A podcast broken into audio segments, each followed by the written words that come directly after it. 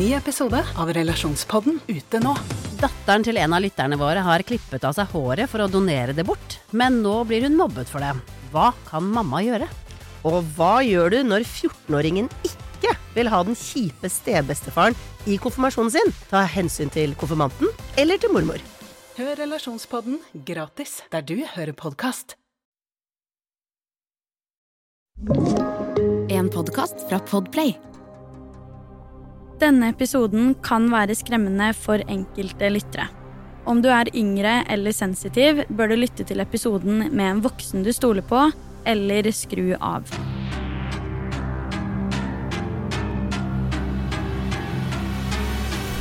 Hei og velkommen til en helt ny episode av Forsvinningsfredag podkast. I denne ukens episode skal jeg ta for meg en sak som var helt ny for meg frem til for noen uker siden. Saken blir ofte omtalt som en veldig merkelig sak, og andre kilder skildrer gjerningspersonen som mer enn ond, og det kan jeg definitivt si meg enig i. Jeg er veldig spent på å ta deg gjennom denne ukens sak, og husk som alltid at dersom du enten har en sak du ønsker at jeg skal ta for meg, om du har noen spørsmål til en sak eller noen meninger, så finner du meg på Instagram der jeg heter Forsvinningsfredag. Nå la meg fortelle deg historien om Pamela Hupp. Pamela ble født 10.10.1958 i Delwood i Missouri, hvor hun også vokste opp. Etter hvert begynte Pamela på Riverview Gardens High School, og folk fra hennes nærmiljø har også forklart at hun hadde flere jobber ved siden av skolen på denne tiden. I løpet av skoleårene på videregående finner Pamela også en gutt som hun forelsker seg i. Denne gutten skulle etter hvert også ende opp med å bli Pamelas ektemann. Allerede tre måneder før avgangsballet til Pamela i sitt siste år på videregående, så ender hun opp med å gifte seg med sin ungdomskjærlighet, og hun føder etter hvert også sitt aller første barn. Dette ekteskapet varte i seks år før det endte i en skilsmisse, men det ser ikke ut til at Pamela hadde noen problem med å komme seg videre etter dette. Det tar visstnok ikke altfor lang tid før Pamela igjen finner kjærligheten og gifter seg på nytt, før hun kort tid etter føder sitt andre barn. Dette ekteparet var i første omgang bosatt i Florida, men etter å ha født Pamelas andre barn, bestemmer de seg for å flytte tilbake til Missouri og slå seg til ro der. Barna gikk etter hvert på skolen, ektemannen jobba som tømrer, og Pamela jobba som administrator i et forsikringsselskap som hovedsakelig drev med livsforsikring. Gjennom jobben møtte Pamela Betzy Faria, som over tid skal bli Pamelas aller nærmeste venninne. La meg fortelle deg litt om Betzy Faria. Betzy blir beskrevet som en familiekjær person som alltid hadde gode intensjoner og et smil om munnen. Hun var en god mor og la veldig mye innsats i ekteskapet sitt. Alle som sto Betzy nær, har beskrevet henne som en veldig snill kvinne, som også elsket å være sosial. Det høres jo ut som at livet hennes har gått på skinner, i hvert fall i denne perioden, men den lykken varer kun frem til Betzy fyller 42 år. Dette er nemlig året hun blir diagnostisert med brystkreft, og legene prøver alt de kan for å redde Betzy.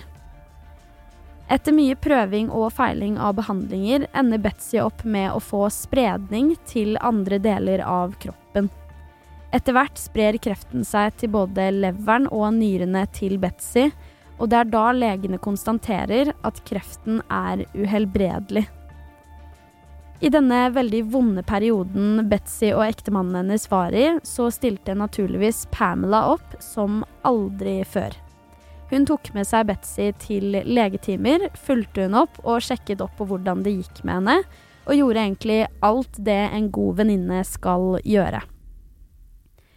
I tillegg til å ta vare på Betzy og stille opp for henne og familien hennes, så var også Pamela den som var der aller mest for sin egen mor, som het Shirley Newman.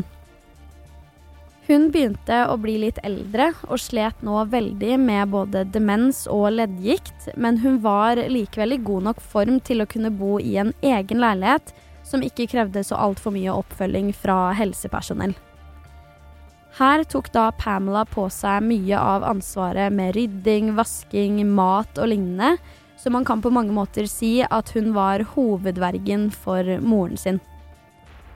Etter noen år, da Shirley fyller 77 år, så blir hun flyttet til et eldrehjem i stedet, da ektemannen hennes døde. Dette var også for å sette barna sine i en litt mer komfortabel situasjon i forhold til at de slipper å måtte ta vare på henne, og at de samtidig skal kunne være sikre på at hun er i trygge hender med hjelpepleierne. Hittil virker det kanskje som at Pamela er verdens mest godhjerta person som gir trygge rammer til de rundt seg, er et godt familiemedlem og en enda bedre venn. Vel, det kan jeg røpe at ikke akkurat er sannheten. Pamela Hupp opprettholdte lenge en veldig sterk fasade, hvor hun utad virker som verdens snilleste person, men bak fasaden finner vi det som kan virke som den rake motsetningen. Senere skal Pamela Hupp nemlig bli dømt og sone en veldig streng straff for noen drap jeg neppe tror du vil se komme. La meg forklare. I 2011 fortsatte kreften til Betzy å utvikle seg til det verre, og i en periode begynte hun også å uttrykke til ektemannen sin at hun heller ville dø enn å tape denne kampen mot sin egen kropp. Ektemannen har sagt at han var bekymra for hennes mentale helse, mye fordi at hun også hadde uttrykt at livene til barna deres ville være bedre dersom hun bare døde med en gang, i stedet for at sykdommen hennes sakte, men sikkert skulle ta livet av henne. Det er også i denne perioden at Betzy begynner å isolere seg gradvis mer og mer, og til slutt tilbringer hun kun tid sammen med sine to barn og bestevenninnen sin, nemlig Pamela. Jula 2011 var visstnok en vanvittig kjip jul for familien til Betzy. Og rett etter at juleroen har senket seg og selveste julaften er overstått, så blir det klart at Betzy skal få en siste behandling mot kreften. Da i håp om å forlenge livet hennes med bare en liten periode til tross for kommentarene hun hadde kommet med til ektemannen sin tidligere. Den 27. desember er dagen da Betzy var ferdig med behandling. Pamela har vært med henne til legen også denne gangen, men denne desemberdagen insisterte hun på å få slippe av Betzy hjemme hos henne, slik at ektemannen slapp å hente henne på sykehuset. Pga. dette så dro ektemannen til Betzy ut for å være med noen kompiser, og da han kom hjem, ble han møtt av et forferdelig skremmende syn som han mest sannsynlig aldri vil glemme. Han finner nå sin egen kone ligge død, med begge håndleddene sine kuttet opp. På bakgrunn av det Betzy hadde sagt til han tidligere om at hun heller ville dø enn at sykdommen skulle dras ut, så trodde naturligvis ektemannen at Betzy hadde gjort dette helt selv, og at hun hadde handlet på de tankene hun hadde uttrykt tidligere. Jeg har funnet en samtale som ektemannen hadde med politiet denne dagen. Ta og hør på dette. County 911, what is the location of your emergency? Okay, ma'am. Hello? Hello? Yes, I need you to take a couple deep breaths so I can see what's going on. What is the address where you need this to come? One, one, one, one thirty CMAC. Okay, what what is the telephone number you're calling from in case we get disconnected? Uh, I, I don't know this number. I know my cell phone number. Okay, what is that number? It's it's it's three one four five six five. Okay, who am I speaking with? My name is Russell Faria. Russell, what's going on there? I just got home from a friend's house, and, and my wife, my wife killed herself. She's, she's, she's on the floor. Okay, Russell, I need you to calm down, honey. Okay. I need you to calm down, take a couple deep breaths. We're going to get somebody on the way there, okay? Politiet kommer naturligvis til åstedet, selv om ektemannen trodde at dette var et selvmord. Da politiet kommer til åstedet, finner de raskt noe som ektemannen ikke hadde lagt merke til. Betsy hadde nemlig ikke gjort dette selv på noe som helst måte, og det blir åpenbart da politiet finner så mye som 55 stikkskader i kroppen hennes. Politiet kunne også konstatere at Betzy døde av disse skadene, og ikke av kreften som hun hadde kjempet mot. På åstedet ble det funnet to kniver. Én liggende på gulvet ved siden av liket hennes, og en som fremdeles sto i kroppen hennes.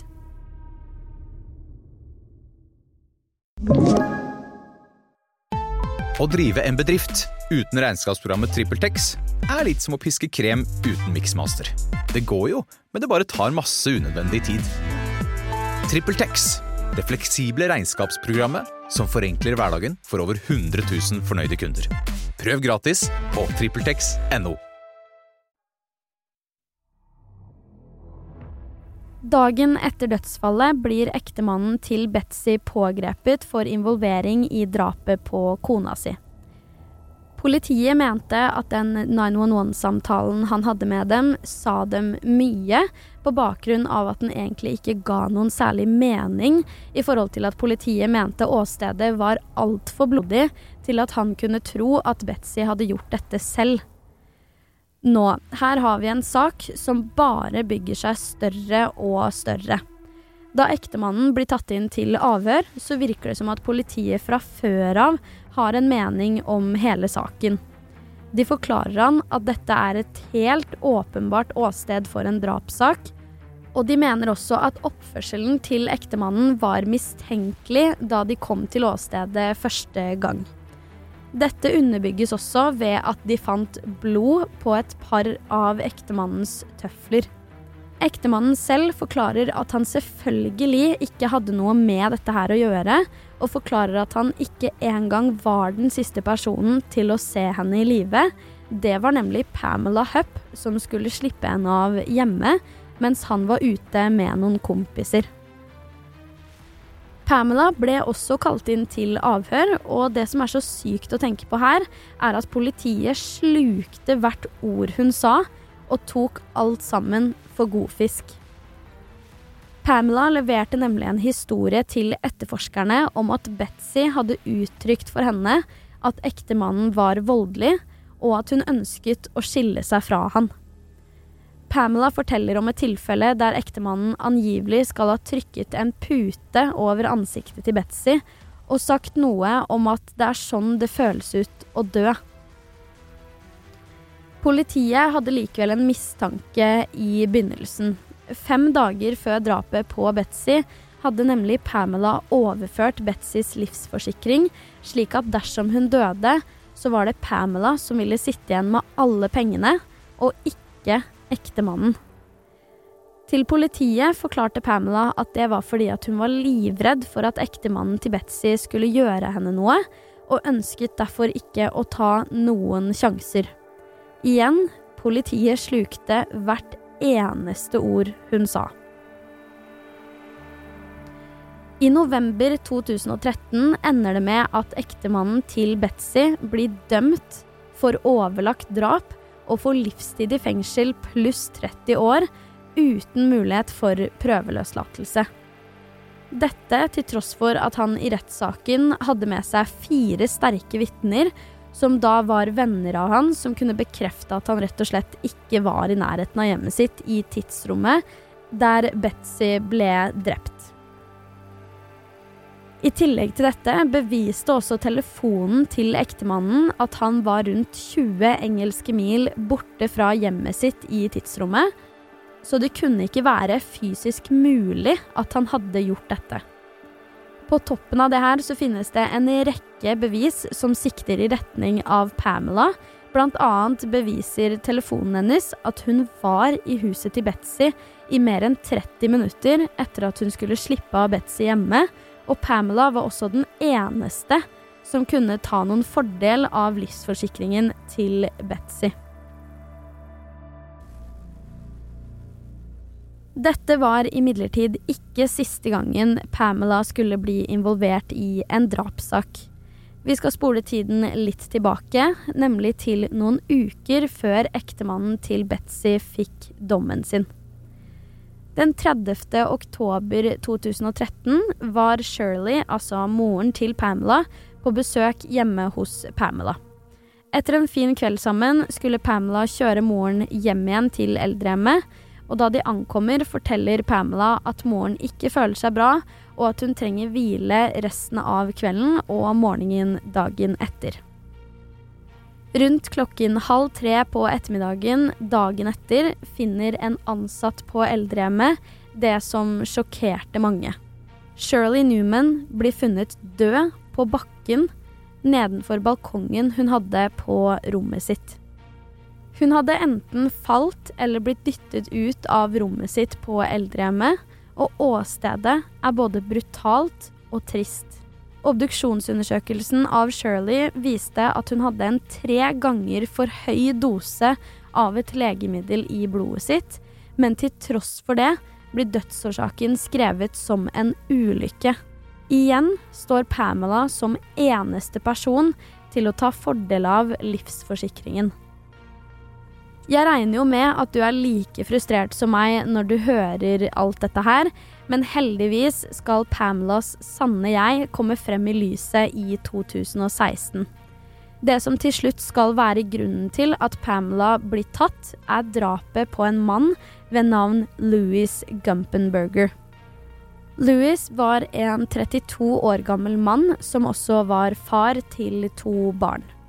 Han beskrives som en veldig familiekjær person som alltid satte familien i fokus og tilbrakte mesteparten av fritiden sin også, sammen med familien sin og foreldrene sine. I 2005 var Louis imidlertid i en bilulykke som dessverre gjorde at han fikk varig men og både fysiske og psykiske funksjonshemninger. Dette igjen resulterte i at han slet med å kunne beholde en fast jobb, så derfor så tok han heller på seg en rekke småjobber for å kunne tjene penger til å forsørge familien sin.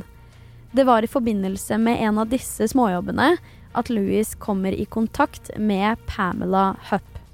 Den 16. august 2016 ringer Pamela Hupp til politiet og forteller at det er noen som har brutt seg inn i huset hennes.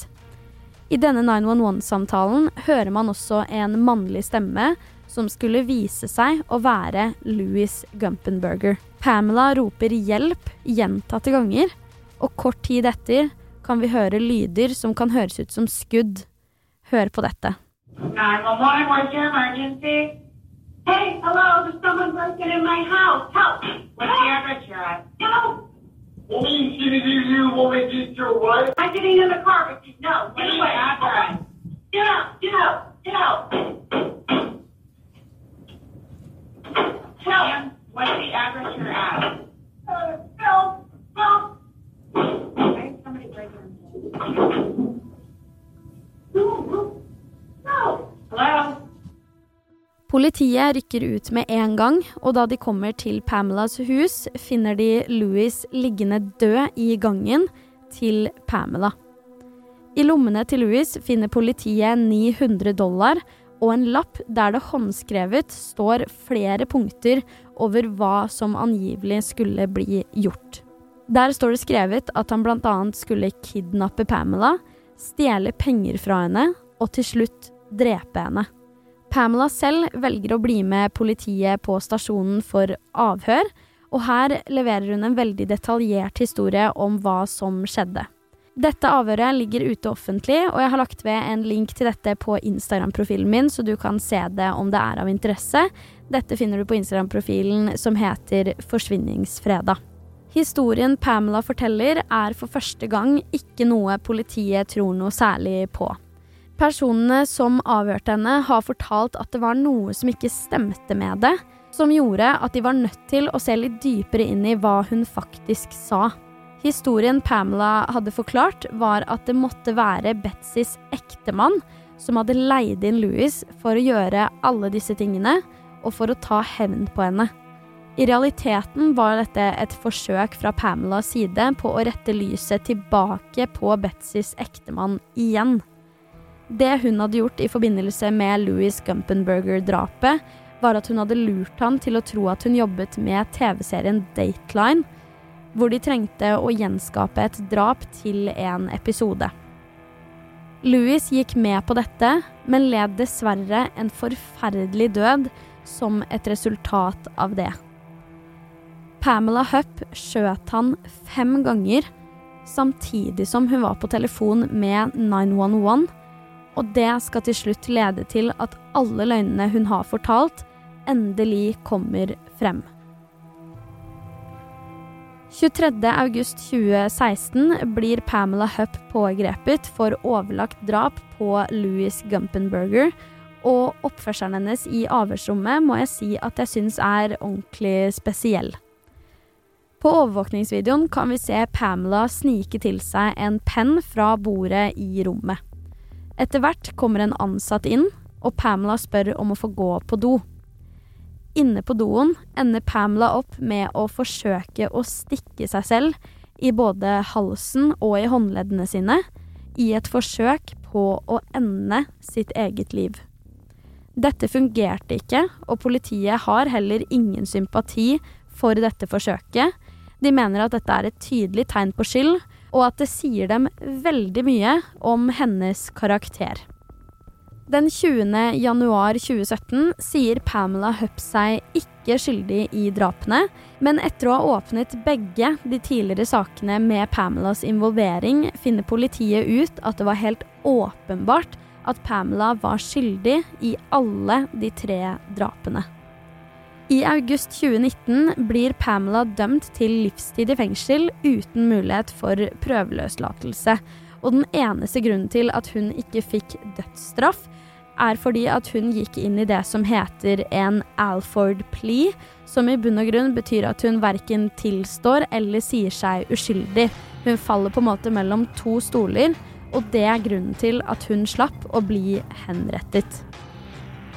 Dette er en ufattelig spennende sak, og jeg er som alltid veldig interessert i å høre hva du tenker og mener rundt denne saken. Så dersom du har noen tanker og refleksjoner, så send det gjerne inn til meg på Instagram, der det heter Forsvinningsfredag. Du har hørt Forsvinningsfredag podkast med meg, Sara Høydahl. Tusen takk for at du har lytta til episoden. Jeg er tilbake med en helt ny en allerede neste fredag. Og i mellomtiden, ta vare på deg selv.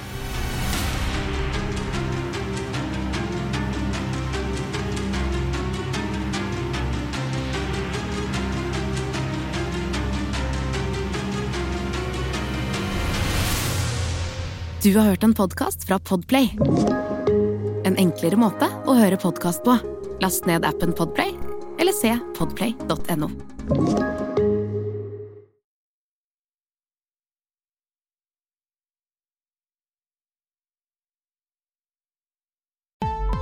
Å ta bedriftens årsoppgjør og sende inn skattemelding uten regnskapsprogrammet TrippelTex er litt som å kjøre budbil uten GPS.